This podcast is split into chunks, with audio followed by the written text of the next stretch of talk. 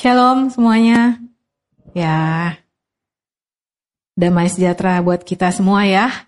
Apa pun yang sedang terjadi, apa pun yang pernah terjadi, ya tentunya kalau kita mau terus-menerus menyadari bahwa ada damai sejahtera itu di dalam kita, ya, kita bisa melihat bahwa sesungguhnya hidup kita penuh sekali dengan kebaikan Tuhan, penuh sekali dengan kasih karunia Tuhan. Oleh sebab itu, apakah ada damai sejahtera di dalam hati teman-teman? Amin ya. Hari ini kita akan melanjutkan pembelajaran kita bersama. Dan tentunya ini tidak sekedar pembelajaran yang berlanjut ya setiap minggunya, tapi ini juga adalah pembelajaran yang kita hidupi bersama-sama di tengah-tengah komunitas kita. Pembelajaran yang di dalamnya ada essence, ada kehidupan Kristus. Dan di dalam kehidupan Kristus ini juga kita mengalami ada apa teman-teman? Ada kasih yang menyembuhkan, ada kebenaran yang memerdekakan, dan ada apa? Kuasa yang membangkitkan. Nah, hari ini kita mau masuk kepada kuasa yang Tuhan udah taruh di dalam kehidupan saya, di dalam kehidupan Kristus yang bersama-sama kita hidupi, yaitu sebagai seorang spiritual man, ya, we have the power who breaks through all boundaries, ya. Manusia rohani, setiap kita, waktu kita menyadari dan menghidupi ada kuasa di dalam hidup kita, kita adalah manusia rohani. Manusia rohani yang seperti apa? Manusia rohani yang tentunya dimampukan memiliki kuasa untuk menghancurkan, ya, menerobos, breaks through all boundaries, menerobos semua batasan-batasan di dalam hidup saya. Batasan-batasan apa? Batasan-batasan yang termasuk membuat kita merasa bosen. Batasan-batasan yang membuat kita merasa males.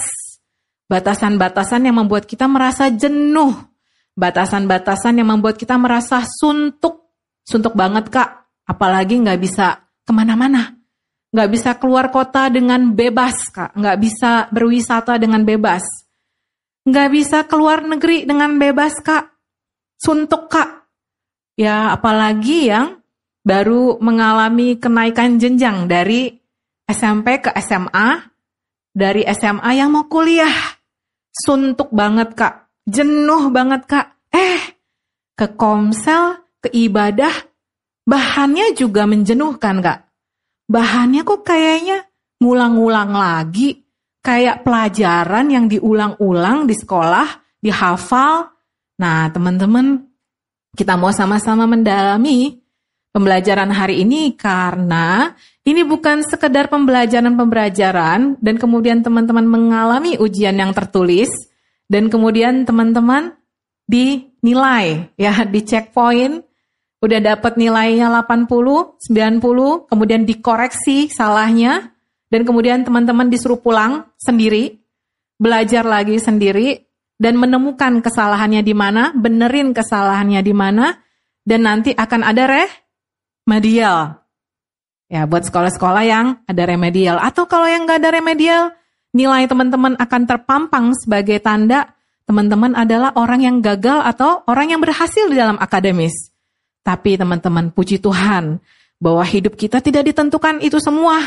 Dan percayalah teman-teman, waktu kakak membicarakan tentang hal ini, kakak itu pernah SD, pernah SMP, pernah SMA, pernah juga kuliah. Bukan berarti waktu kakak membicarakan semua hal ini, ah kakak mah nggak tahu rasanya dinilai oleh pelajaran-pelajaran di sekolah. Percayalah teman-teman, kakak tahu, ngets ya. Kakak tahu banget, coba bilang kiri kanannya. Kakak itu tahu kok apa yang kita alami. Kakak itu mengerti kok ya. Coba bilang kiri kanannya, ya ya dia tahu, dia mengerti. Jadi teman-teman, saya mau pastikan ini bukan pembelajaran yang sekedar naik jenjang kelas, bukan akademis ya, tapi ini adalah perjalanan kehidupan. Ya, perjalanan kehidupan dan apa yang kita pelajari beberapa tahun ini, ini tentunya adalah warisan yang sangat mahal. warisan yang sangat kekal dampaknya. Oleh sebab itu teman-teman kalau melihat kok kayaknya ada pengulangan itu bagus sekali supaya teman-teman menyadari ternyata di dalam hidupmu engkau punya emas permata. Supaya engkau menyadari di dalam hidupmu engkau punya hal yang kekal. Engkau pernah diberitahu, engkau pernah diteruskan, engkau pernah diwariskan hal yang kekal. Tapi kita sering lupa atau melupakan hal yang menurut lahiriah kita itu membosankan, hal yang menurut lahiriah kita itu menjenuhkan, hal yang menurut penilaian lahiriah atau ya medsos mendikte engkau dan bilang itu cupu dan engkau dengan gampang melupakan. Enggak teman-teman, kita mau mengembrace, kita mau melihat bahwa setiap kebenaran yang berikan di dalam hidup kita itu sangat mewah, ya itu sangat mahal. Dan hari ini ada spiritual man, ya setiap kita adalah seorang spiritual man who breaks through all boundaries, ya yang menerobos semua batas batasan-batasan di dalam hidup kita. Apa yang menjadi batasanmu saat ini? Apakah engkau jenuh? Seperti yang tadi kakak sampaikan, engkau bosan, engkau suntuk, engkau merasa di penjara, dan engkau butuh di unlock banyak di dalam hidupmu, kak ternyata unlocknya nggak cuman lima kali kak, ya memang nggak lima kali, banyak sekali teman-teman. Karena apa yang terjadi, engkau sendiri yang menyerahkan dirimu untuk dibelenggu. Engkau sendiri yang menyerahkan dirimu untuk diikat. Engkau sendiri yang menyerahkan dirimu untuk dipenjara dengan banyak sekali tipu daya di dunia ini. Kita mau sama-sama melihat firman Tuhan di Yesaya 40 ayat 31. Ya, tentunya teman-teman cukup sering mendengar firman Tuhan ini. Kita mau sama-sama baca 3 2 1. Tetapi orang-orang yang menanti-nantikan Tuhan mendapat kekuatan baru. Mereka seumpama raja wali yang naik terbang dengan kekuatan sayapnya. Mereka berlari dan tidak menjadi lesu, mereka berjalan dan tidak menjadi lelah. Wow, Siapa di sini orang yang menanti-nantikan Tuhan? Ya, ya, berbisik di dalam hatimu. Maka udah di dalam hatimu berbisik lagi, ya. Sadarilah teman-teman bahwa kita adalah orang yang menanti-nantikan Tuhan. Deep down di dalam hati saya, saya punya kerinduan untuk menanti-nantikan Tuhan. Walaupun saya kadang-kadang masih gagal, walaupun saya kadang-kadang masih bodoh, tapi di dalam saya itu sebenarnya ada satu kerinduan untuk saya menanti-nantikan Tuhan. Menanti-nantikan Tuhan itu bukan bengong, teman-teman. Ya banyak orang melihat bahwa menanti-nanti menunggu itu bengong. Jadi supaya dia nggak bengong, dia isi dengan aktivitas yang mengkonsum prosesor di dalam brainnya supaya dia nggak bengong. Tapi bukan seperti itu teman-teman. Menanti-nantikan Tuhan itu bukan bengong. Ya katakan bersama saya, menanti-nantikan Tuhan bukan bengong. Ya, menanti-nantikan Tuhan bukan gabut. Ya, bukan, bukan gabut. Orang yang menanti-nantikan Tuhan itu adalah orang yang mencari, ya di bahasa aslinya adalah orang yang mencari dan orang yang berharap kepada Tuhan. Orang yang mengharapkan ses kepada sesuatu, dia menanti-nantikan, dia menunggu dengan penuh harapan. Dia menunggu dengan aktif teman-teman. Dan yang pasti, yang di dalamnya pasti aktif dulu sebelum aktivitas yang di luar. Yang di dalamnya aktif dulu. Apa yang aktif? Fokus saya aktif untuk menanti-nantikan firman Tuhan mau ngomong apa di dalam hidup saya. Fokus saya aktif untuk menanti-nantikan apa yang menjadi kekuatan di dalam hidup saya dari Tuhan. Firman Tuhan itu apakah membuat kita semakin melihat bahwa hidup saya itu selama ini menanti-nantikan apa sih? Ya banyak orang di dalam hidupnya secara fisik dia nggak bergerak ke mana-mana, ya dia duduk aja, tapi yang bergerak cuma jempolnya, ya teman-teman jempol ya.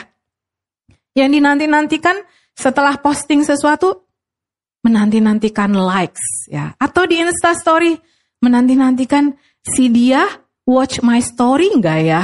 Ya, menanti-nantikan itu.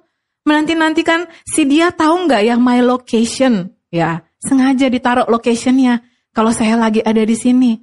Itu menanti-nantikan, ya. Itu menanti-nantikan Tuhan. Enggak, kita banyak mengarahkan fokus kita untuk menantikan sesuatu yang tidak punya pengharapan yang pasti, ya alias ngarep. Menanti-nantikan apa lagi? Menanti-nantikan contekan. Udah school from home, udah learning from home, masih menanti-nantikan contekan. Menanti-nantikan mengganti handphone, ya itu sangat mengkonsum. Sehingga engkau tidak mau dengan aktif mereplace fokusmu, mereplace prioritasmu untuk menanti-nantikan apa sih yang memberi kekuatan di dalam hidup saya? Nah teman-teman, percayalah waktu engkau menanti-nantikan semua hal-hal lahiriah itu, menanti-nantikan WhatsAppmu centang biru atau belum, masuk nggak masuk, dia reply nggak reply, engkau akan jenuh, engkau akan capek. Ya, engkau akan jenuh, engkau akan capek, engkau akan merasa orang yang, aduh gagal, tidak menarik. Waktu ada orang yang ngepost sesuatu dan dia bilang, kak, mana buktinya aku dikasihi? Ternyata waktu aku ngepost sesuatu, like-nya nggak banyak kak. Nah teman-teman, enggak, enggak seperti itu. Makanya engkau gampang kecewa. Engkau menantikan sesuatu yang dasarnya bukan dari kasih Tuhan, bukan dari kebenaran Tuhan. Sedangkan di sini dikatakan, tetapi orang-orang yang menanti-nantikan Tuhan, ya, bukan menanti-nantikan hal yang lahiriah, apalagi dari dunia ini, mendapat apa teman-teman? Kekuatan yang baru, selalu semangat, selalu excited, jadi excitednya bukan hanya diperhatikan oleh seseorang saja. Excitednya, semangatnya bukan hanya waktu di komsel, ya, waktu engkau sebagai PKS-PKS dan pemurid-pemurid, waktu engkau memuridkan orang-orang dan orang itu berespon benar, engkau jadi excited. Bukan teman-teman, walaupun orang-orang yang engkau muridkan, walaupun anak-anak komselmu tidak berespon benar, tapi kalau engkau menanti-nantikan Tuhan, engkau akan mendapatkan kekuatan yang baru. Engkau nggak akan mengalami apa yang engkau sudah taburkan itu sia-sia. Nggak mungkin. Karena yang engkau nanti-nantikan adalah Tuhan. Dia yang memberikan kekuatan baru. Nah mereka ini seumpama Raja Wali yang naik terbang dengan kekuatan sayapnya. Mereka berlari dan tidak menjadi lesu. Mereka berjalan dan tidak menjadi lelah. Nah teman-teman, artinya apa? Waktu kita mengandalkan kekuatan dari Tuhan, kita akan mengalami, akan terjadi percepatan di dalam hidup kita. Artinya apa Tuhan? Teman-teman, karena berlari dan tidak menjadi lesu, akan ada percepatan. Tapi banyak kita ya terdistract dengan hal-hal yang lahiriah sehingga apa yang terjadi kita menjadi lesu, menjadi lesu menjadi malas, ya mager, Kemudian boro-boro terjadi percepatan kak. Jalan dikit aja saya udah lelah. Nah teman-teman, coba lihat selama ini engkau menanti-nantikan siapa? Atau engkau menanti-nantikan apa? Sehingga engkau menjadi jenuh. Engkau menanti-nantikan situasi dan kondisi. Oke okay, semuanya kak. Ya, pandemik ini menjadi oke okay semua. Sehingga kita bisa pergi jalan-jalan kak. Kita bisa refreshing saya itu ya kak orangnya kalau refreshing saya jadi semangat. Makanya saya butuh refreshing kalau saya buntu, kalau saya suntuk, kalau saya merasa terpenjara saya itu butuh refreshing. Teman-teman, seperti yang sudah dikatakan di minggu-minggu yang lalu, bahwa yang bisa memuaskan kehidupan kita adalah aliran-aliran air hidup yang daripada Kristus itu sendiri. Dan Kristus ada di tengah-tengah kita. Dan Kristus ada di dalam saya. Saya butuh menanti-nantikan Kristus itu, aletia itu semakin nyata pribadinya menuntun respon-respon hidup saya. Sehingga teman-teman menggenapi firman ini.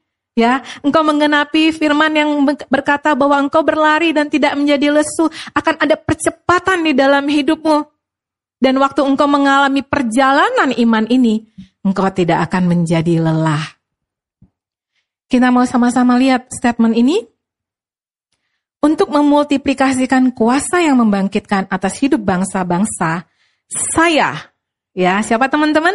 Saya, bukan papa mama di rumah, bukan teman-teman komselmu, bukan orang lain, tapi saya pertama-tama harus mengunlock setiap belenggu dan penjara kehidupan yang ada di dalam hidup saya.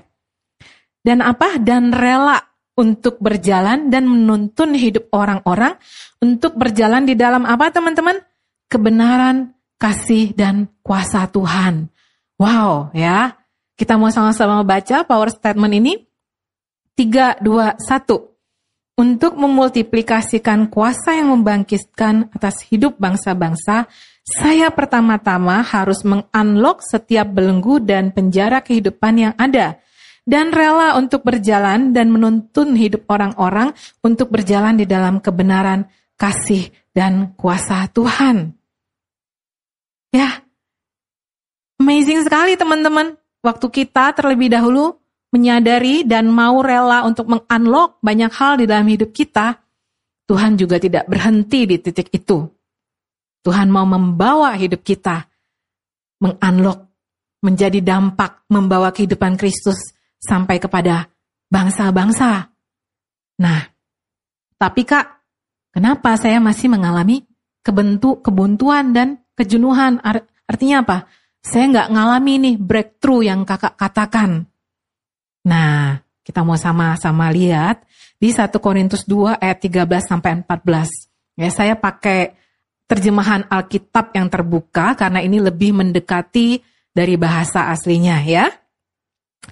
Hal-hal yang juga kami ucapkan ini bukan dalam kata-kata yang diajarkan oleh hikmat manusia, melainkan yang diajarkan oleh roh dengan membandingkan hal-hal yang rohani dengan yang rohani. Namun, manusia yang tidak rohani tidak menerima hal-hal yang berasal dari roh Allah, karena hal-hal itu merupakan kebodohan baginya ia tidak dapat memahaminya karena hal-hal itu hanya dapat dinilai secara rohani. Nah, teman-teman, jelas sekali firman ini bilang, ya, firman ini menjadi pertanyaan. Ya, kok pertanyaan jawaban dari pertanyaan-pertanyaan mungkin banyak dari kita. Terus kenapa Kak? Kalau saya masih merasa buntu, saya masih mengalami kejenuhan, kebosanan, mager, ya udah ah kak kayak gini pandemik susah ke mana-mana. Ya udah tidur sampai subuh aja. Ya habisin waktu. Teman-teman waktumu itu berharga. Engkau dan saya kita punya 24 jam. Itu sangat berharga sekali teman-teman. Jadi waktu itu jangan dihabiskan begitu saja. Waktu itu apalagi dibunuh ada orang yang bilang sama saya kak I want to kill the time so that I can skip all of this kalau bisa, I want to have a remote control, ya, to forward all of this. Gak bisa, teman-teman. Selalu ada kasih karunia untuk kita melewati masa-masa ini.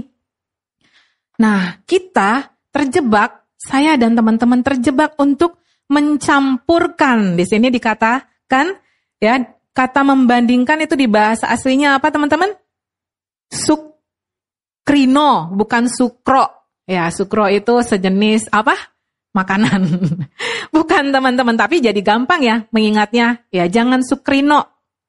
Ya, jangan membandingkan dengan hal-hal yang lahiriah. Hal-hal yang rohani ini hanya sepadan, hanya bisa dibandingkan dengan hal-hal yang rohani juga. Seperti air, itu mesnya dengan air. Dia waktu dicampurkan dengan minyak, susah ya, pH, apa itu namanya pelajaran di sekolah ya, berat jenisnya Berbeda teman-teman. Sama, setiap dari kita, kita suka mengalami kebuntuan dan kejenuhan karena kita di dalam kebersamaan, kita mengalami banyak firman. Kita mengalami banyak kebenaran. Kita dapatin sekali kehidupan Kristus. Tapi waktu ada di tempat kerja, kita mencampur adukan diakonos dengan bosi.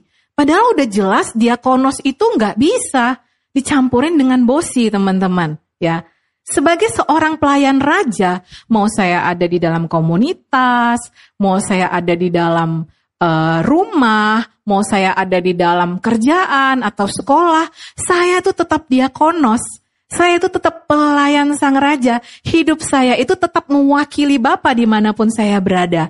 Tapi banyak anak-anak Tuhan, kita mendapatkan hal yang rohani, kita mendapatkan logos, kita mendapatkan firman, kita mendapatkan rema, tapi kita berhenti di titik itu saja. Kemudian di dalam kehidupan kita, kita mengambil begitu banyak hal lahiriah dan kita mempraktekkan hal yang lahiriah itu sehingga kita tidak mengalami kepuasan di dalam perjalanan iman kita karena kita tidak bertemu dengan Aletheia.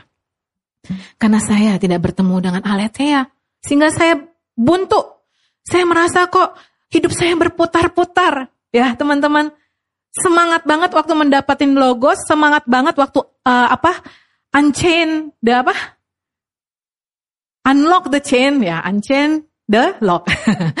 ya, unlock the chains. Waktu kita semangat sekali untuk unlock the chain, kemudian pulang. Nah, apa yang terjadi? Ya, kita masih self pity, kita masih merasa tidak dimengerti, kemudian kita zoom in perasaan tidak dimengerti itu, dan kemudian kita berputar-putar, dan akhirnya kita mengalami firman lagi, kita mengalami terobosan lagi, tapi yang diterobos itu-itu aja dari tahun ke tahun, teman-teman. Jangan lupa, tadi firman Tuhan bilang dia akan berjalan dan tidak menjadi lelah, dia akan berlari dan tidak menjadi lesu. Artinya ada kemajuan teman-teman.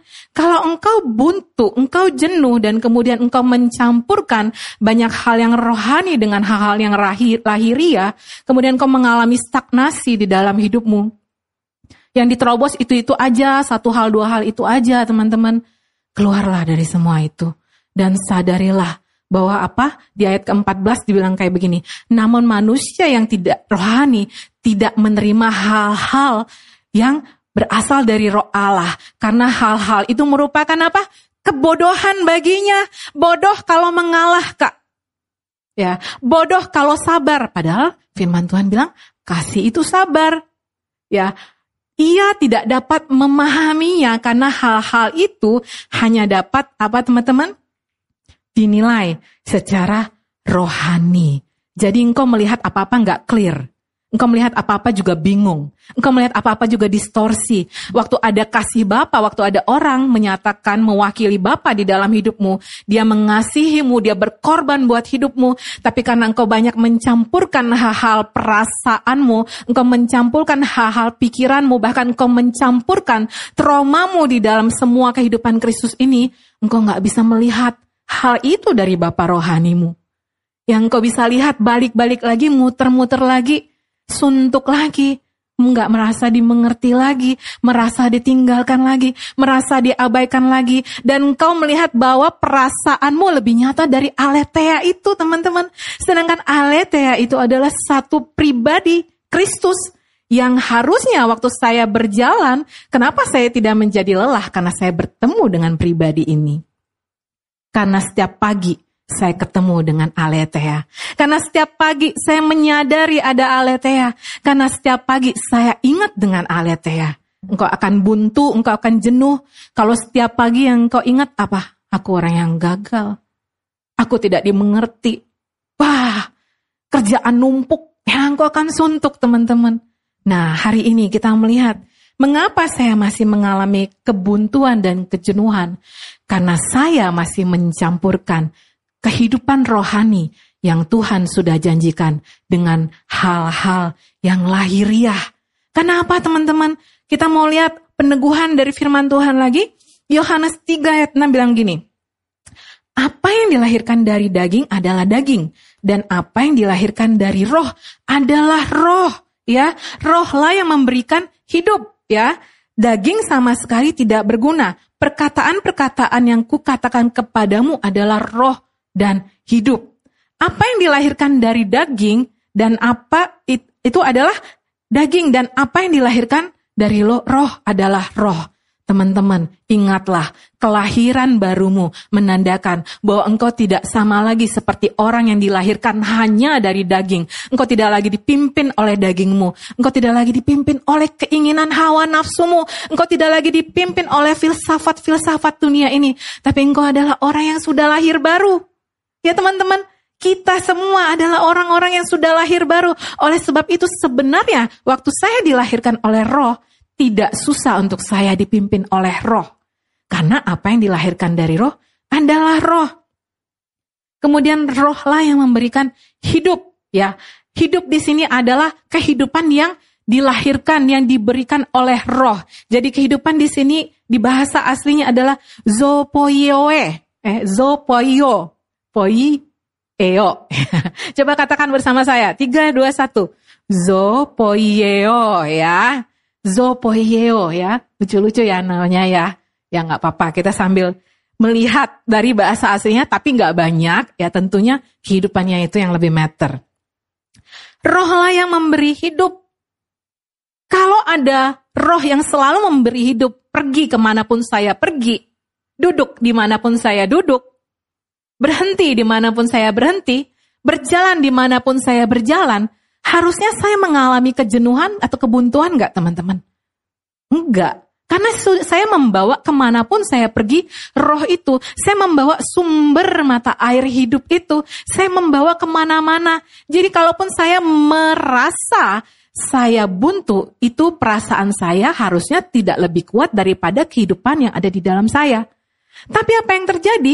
Saya sering memilih daging. Saya sering memilih daging yang memutuskan kehidupan saya.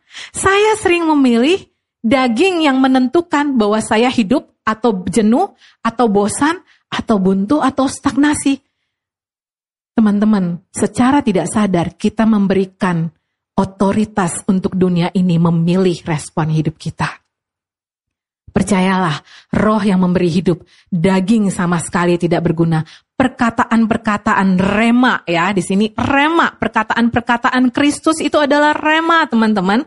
Yang kukatakan kepadamu adalah roh dan hidup. Oleh sebab itu teman-teman, tidak secara apa ya, tidak bukannya mau memberikan teman-teman satu rules yang baru atau PR yang baru atau tugas yang baru untuk teman-teman mendengarkan link khotbah atau nobar link khotbah di dalam komsel. Bukan teman-teman. Tapi supaya apa? Supaya teman-teman juga mendengarkan rema Ya, karena apa yang disampaikan di dalam link khotbah itu banyak sekali yang sudah menjadi rema sehingga engkau dibantu untuk engkau melihat, untuk engkau menyadari, untuk engkau mengalami tidak hanya logos dari yang tertulis di Alkitab, tapi juga telingamu ya dilatih untuk engkau mengkonsum rema, spoken words.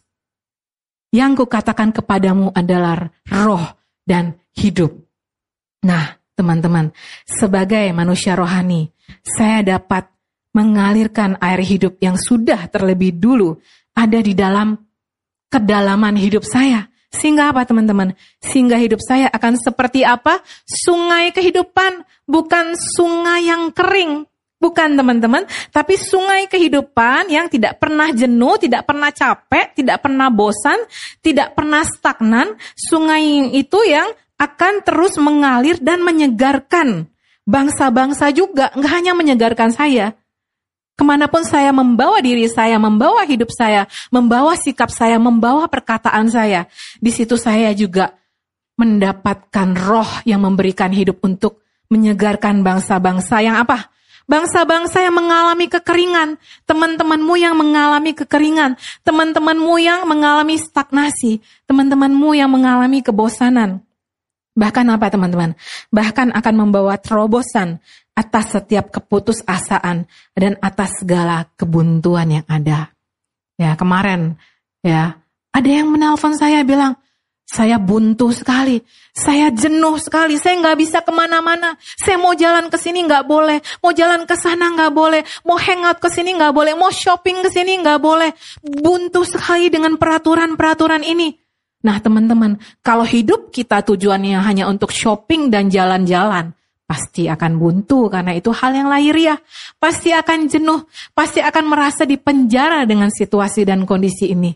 Tapi teman-teman, saya berdoa supaya setiap kebenaran yang engkau dengarkan hari ini, engkau dilepaskan, engkau dimerdekakan, engkau dibebaskan dari setiap kejenuhan itu.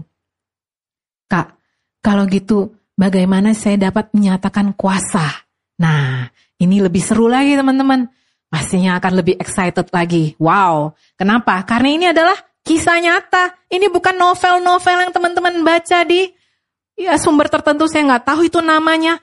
Ya enggak, tapi ini adalah kisah nyata. Ini adalah kisah perjalanan seorang Rasul Paulus. Ya, kita mau sama-sama baca firman ini. 3, 2, 1. Paulus telah memutuskan untuk tiga tinggal di Efesus supaya jangan habis waktunya di Asia sebab ia buru-buru agar jika mungkin ia telah berada di Yerusalem pada hari raya Pentakosta. Karena itu ia menyuruh seorang dari Miletus ke Efesus dengan pesan supaya para penatua jahat datang ke Miletus. Sesudah mereka datang berkatalah ia kepada mereka, Kamu tahu bagaimana aku hidup di antara kamu sejak hari pertama aku tiba di Asia ini. Dengan segala rendah hati, aku melayani Tuhan. Dalam perjalanan itu, aku banyak mencucurkan air mata dan banyak mengalami pencobaan dari pihak orang Yahudi yang mau membunuh aku. Sungguh pun demikian, aku tidak pernah melalaikan apa yang berguna bagi kamu. Semua aku beritakan dan kuajarkan kepada kamu, baik di muka umum maupun dalam perkumpulan-perkumpulan di rumah kamu.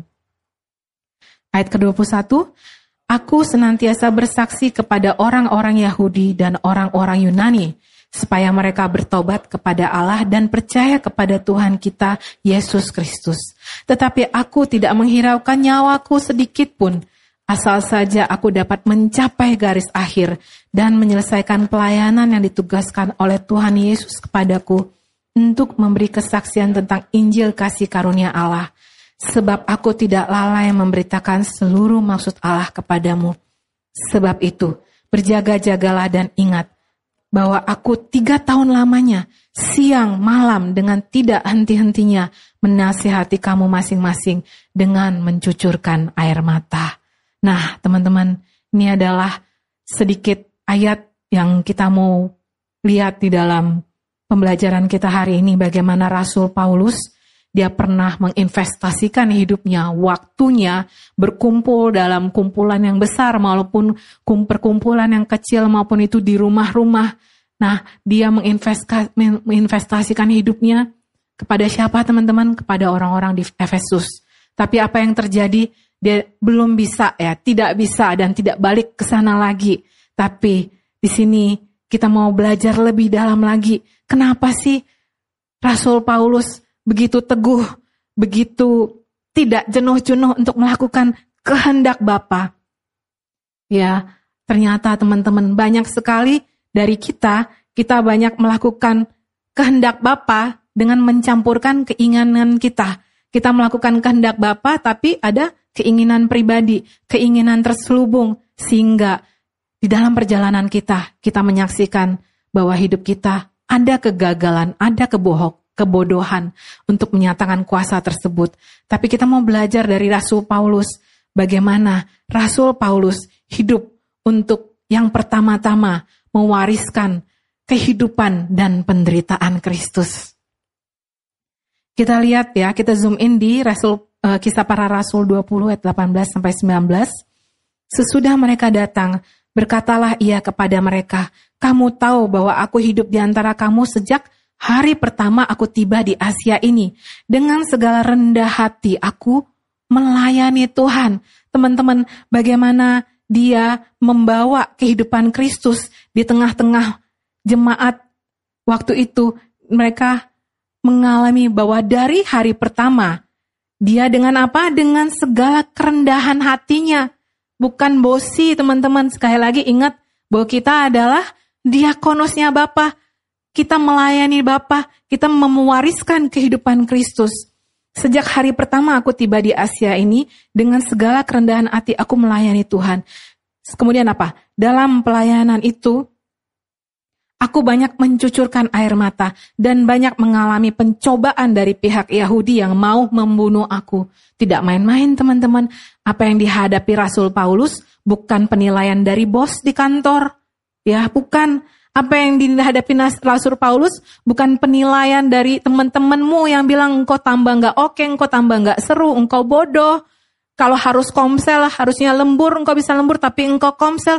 Bukan apa yang dihadapi Rasul Paulus ini, saya lihat belum ada yang kita hadapi sekarang. Tapi ternyata apa yang dia hadapi itu meneguhkan kehidupan Kristus di dalamnya. Ya, di dalam pelayanan itu aku banyak mencucurkan air mata. Di sini Rasul Paulus mencucurkan air mata bukan karena dia self pity. Aduh kasihan banget udah setengah mati ngurusin jemaat. Ya ternyata aku nggak dihargai. Udah mau temenin jemaat untuk membesuk orang yang sakit. Ya udah bayarin makan. Tapi aku tidak dihargai. Tapi aku tidak dimengerti. Rasul Paulus tidak mencucurkan air mata buat hal itu teman-teman.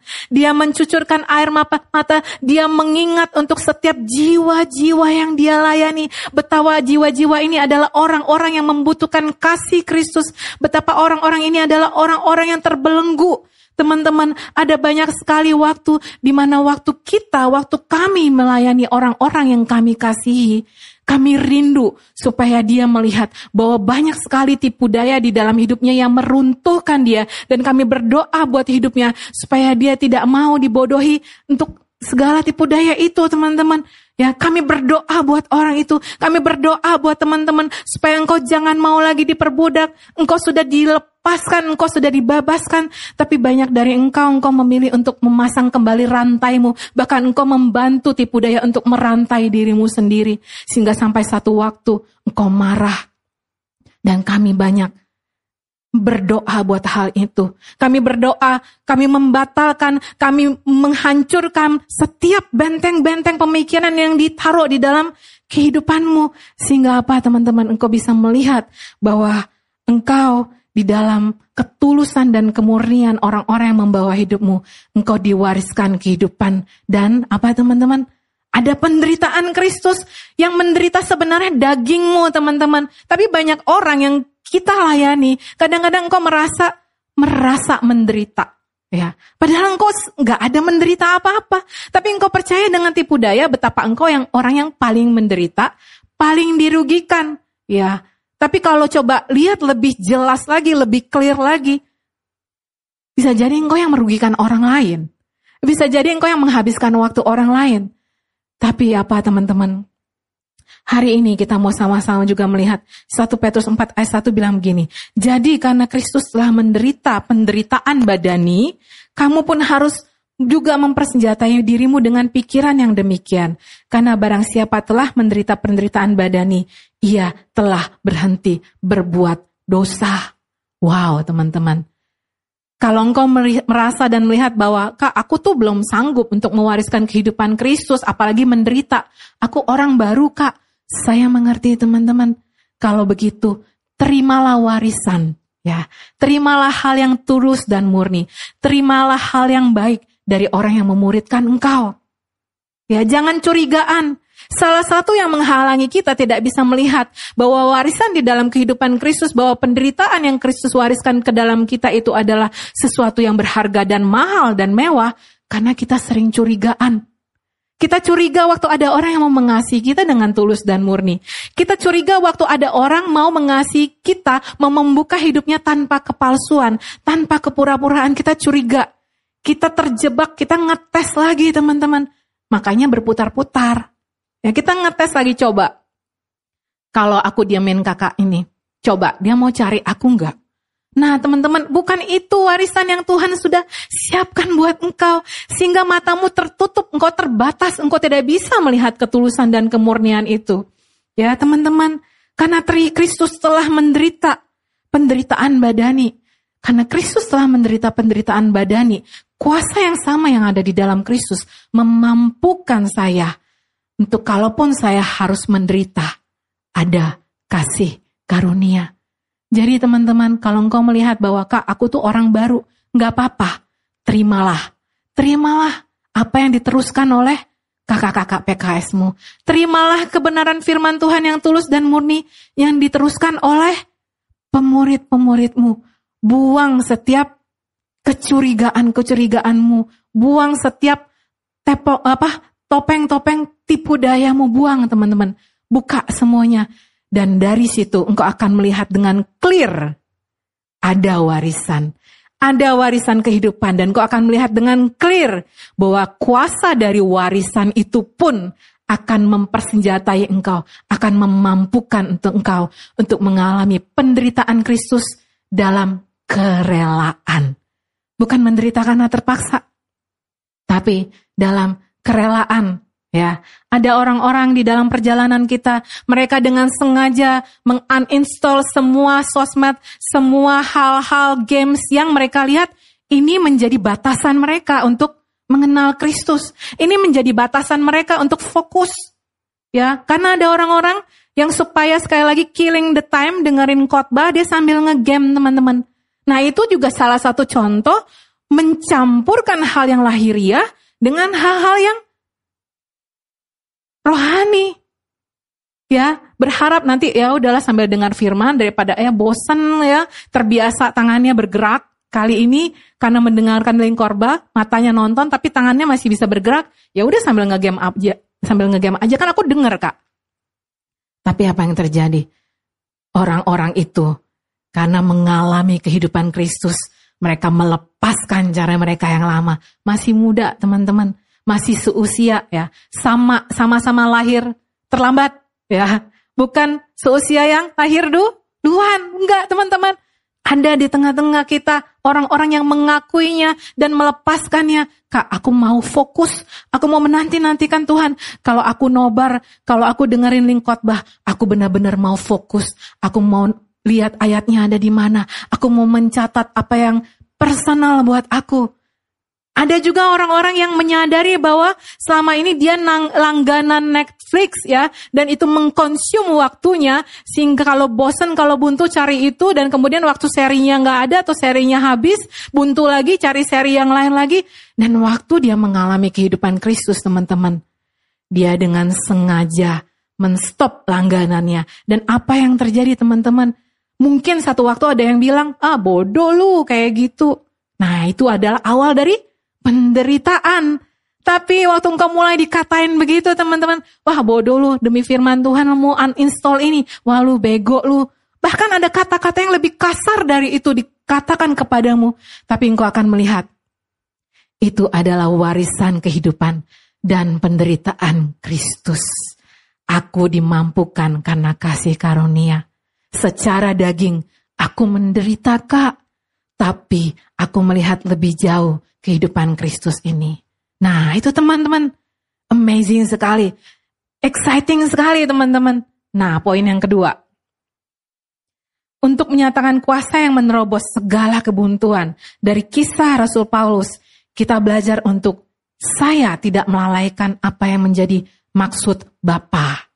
Kita boleh tidak mau mudeng, tidak mau mengerti, tidak mau ngeh dengan maksud kode-kode terselubung dari teman-teman kita.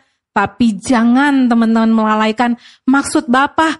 Keep on untuk menghidupi dan melakukan maksud Bapak. Tidak mendiskon maksud Bapak. Ya, kita sering di dunia sekarang tuh sering identik dengan diskon. Apa-apa carinya diskon ya. Diskon-diskon makanan. Tapi jangan lupa firman Tuhan tuh tidak bisa didiskon. Bilang kiri kanannya. Firman Tuhan tidak bisa didiskon. Ya, makanan boleh didiskon, firman jangan didiskon. Ya, kisah para rasul 20 ayat 20 dan 27 Sungguh pun demikian, aku tidak pernah melalaikan apa yang berguna bagi kamu. Semua kuberitakan dan kuajarkan kepada kamu, baik di muka umum maupun dalam perkumpulan-perkumpulan di rumah kamu. Sebab aku tidak lalai memberitakan seluruh maksud Allah kepadamu. Nah teman-teman, saya sangat terinspirasi sekali dan saya mempersonalkan sekali bahwa Rasul Paulus tidak pernah melalaikan apa yang berguna bagi dirinya, bagi orang-orang. Kenapa? Karena apa yang dia bawa kepada dirinya dan kepada orang-orang adalah maksud Bapak. Bukan maksud dari ya nenek-nenek moyang yang pernah menitipkan pesan-pesan ya pemikiran-pemikiran zaman dulu. Jangan ini, jangan itu, takut ini, takut itu maunya ini, pengennya begini, pengennya begitu. Bukan teman-teman. Itu saya butuh lalaikan. Ya, peraturan-peraturan yang tidak jelas seperti itu saya butuh lalaikan. Keinginan-keinginan seperti itu saya butuh lalaikan, teman-teman. Tapi saya tidak mau melalaikan apa yang berguna bagi kita. Sebagai manusia roh, apa yang berguna bagi roh itu selalu asalnya dari roh, teman-teman. Karena sekali lagi, kita tidak mencampurkan apa yang dari roh dengan apa yang dari dunia ini dan dengan apa yang dari daging. Sehingga teman-teman kita juga bisa melihat bahwa di dalam roh kebenaran Kristus yang kita alami, di dalam roh Allah yang kita alami, itu akan match, itu akan empower kita waktu kita menjalankan maksud Bapak. Sehingga waktu engkau menemukan ada maksud-maksud tertentu di dalam hidupmu yang tidak kesampaian, ada kode-kode tertentu yang tidak kesampaian dan orang itu marah karena kode-kodenya nggak disambut dengan baik. engkau nggak terpengaruh, engkau nggak apa-apa, karena engkau tidak hidup untuk menjawab apalagi mengartikan, memprogramkan kode-kode itu. Enggak, teman-teman. Sindiran-sindiran itu. Engkau hidup bukan untuk menjawab sindiran-sindiran itu. Tapi engkau hidup untuk menggenapi maksud Bapa pertama-tama di dalam hidup saya. Kemudian membawanya untuk memberikan maksud Bapa buat orang-orang banyak.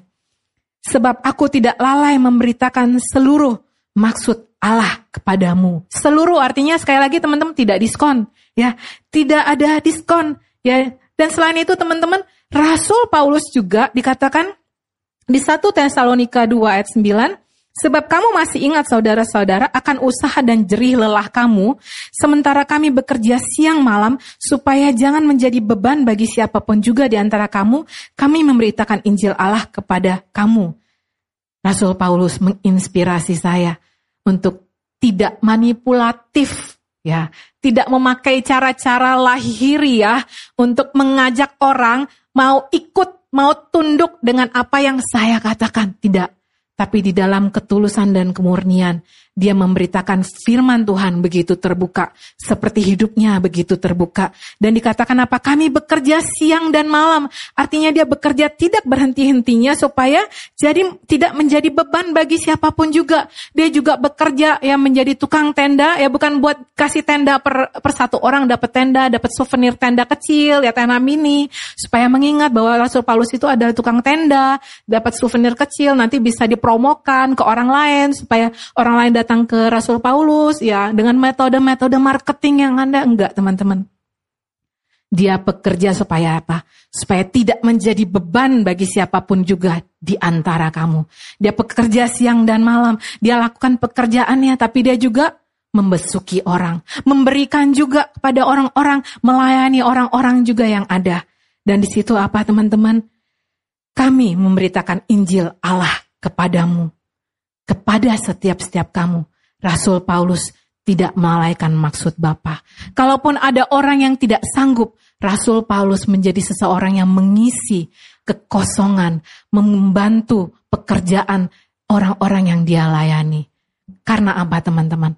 Karena dia tidak mau melalaikan maksud Bapa. Teman-teman, engkau bisa dinilai melalaikan maksud bosmu, engkau bisa dinilai melalaikan maksud investormu, engkau bisa dinilai melalaikan maksud orang tuamu, engkau bisa dinilai melalaikan maksud gurumu, tapi kalau engkau set your heart untuk tidak melalaikan maksud Bapa, engkau akan lihat waktu engkau mengerjakan maksud Bapa ini, gurumu akan mengalami bagaimana ada kehidupan Kristus melalui engkau. Orang tuamu akan mengalami bagaimana ada kehidupan Kristus melalui engkau. Teman-temanmu, bosmu, bahkan investormu akan mengalami ada kehidupan Kristus melalui engkau.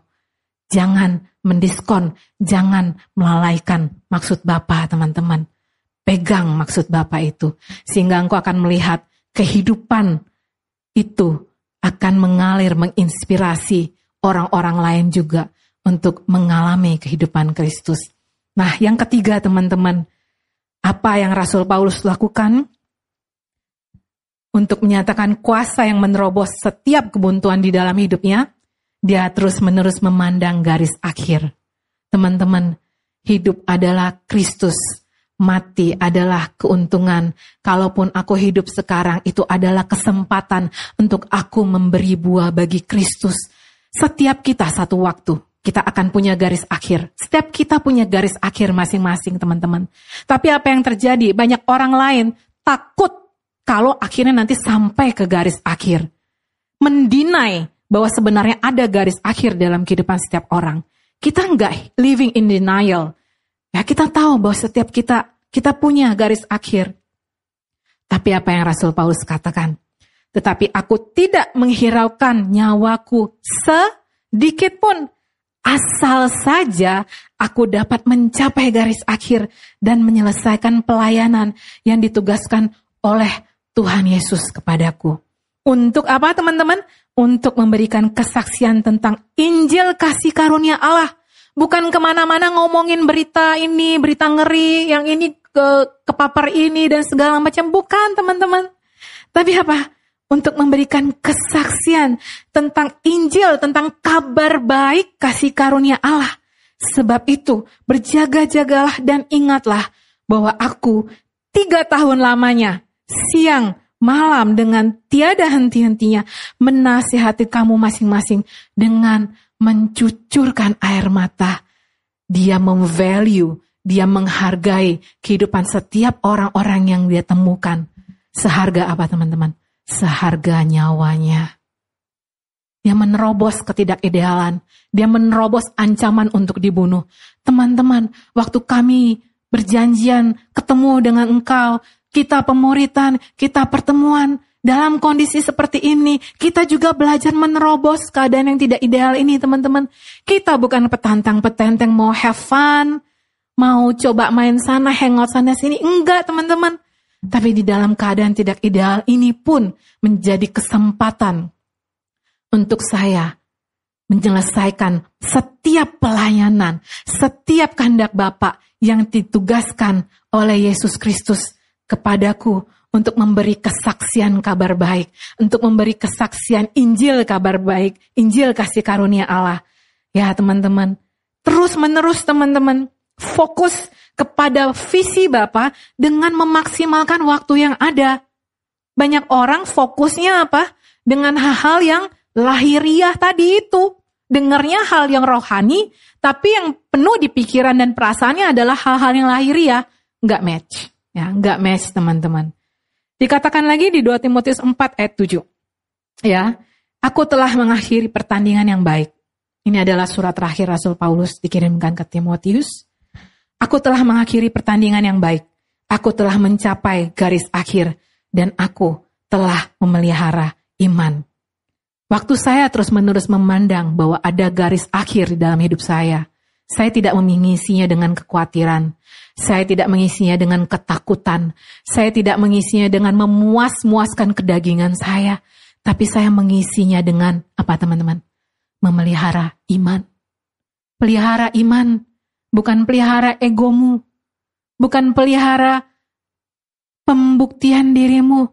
Bukan pelihara perasaan-perasaanmu, bukan pelihara pikiran-pikiranmu yang sia-sia, apalagi pelihara dosa, teman-teman. Jangan, jangan pelihara dosa, pornografi, masturbasi. Engkau pelihara itu, jangan, jauhlah itu daripada kita, teman-teman. Jauhlah itu daripadamu. Itu akan membuahkan kebinasaan di dalam hidupmu. Pelihara iman. Pelihara logos yang akan menjadi rema dan kemudian akan menjadi aletea di dalam hidupmu. Sehingga waktu engkau terus-menerus memandang garis akhir, engkau akan fokus kepada kehendak Bapa dan engkau akan memaksimalkan setiap waktu yang ada. Teman-teman, Tuhan Allah telah memberikan kepadamu, kepadaku lidah seorang murid supaya apa? Supaya dengan perkataan aku dapat memberi semangat baru kepada orang yang letih lesu.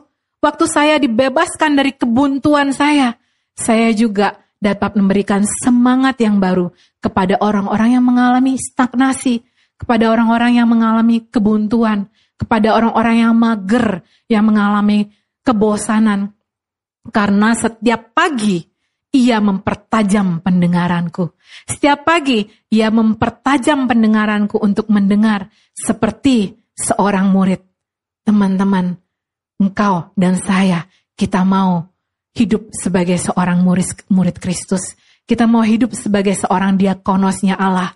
Karena sebagai diakonosnya Allah yang memiliki kuasa untuk menerobos semua kebuntuan, saya perlu mempunyai kerelaan seperti seorang murid dengan mengambil kehidupan Kristus dan menghidupkannya sampai tidak ada lagi kelelahan, tidak ada lagi kejenuhan maupun kebuntuan di dalam setiap hidup kita. Teman-teman, sadarilah bahwa hidupmu tidak ditentukan untuk buntu, tidak ditentukan untuk bosan, tidak ditentukan untuk jenuh, tidak ditentukan untuk kalah setiap kita ditentukan untuk mengalami the living water, mengalami air kehidupan seperti sungai yang terus mengalir, terus mengalir, terus membasahi setiap kekeringan-kekeringan, maupun itu di dalam hidup saya, bahkan kekeringan-kekeringan di dalam hidup orang-orang lain. Hari ini ya teman-teman, kita mau melihat bahwa sumber air kehidupan itu ada di dalam saya. Dan Bapa mau untuk menghidupkannya dan kita tinggal di dalam setiap kemerdekaan yang dia berikan buat hidup kita. Kita mau sama-sama bangkit berdiri teman-teman.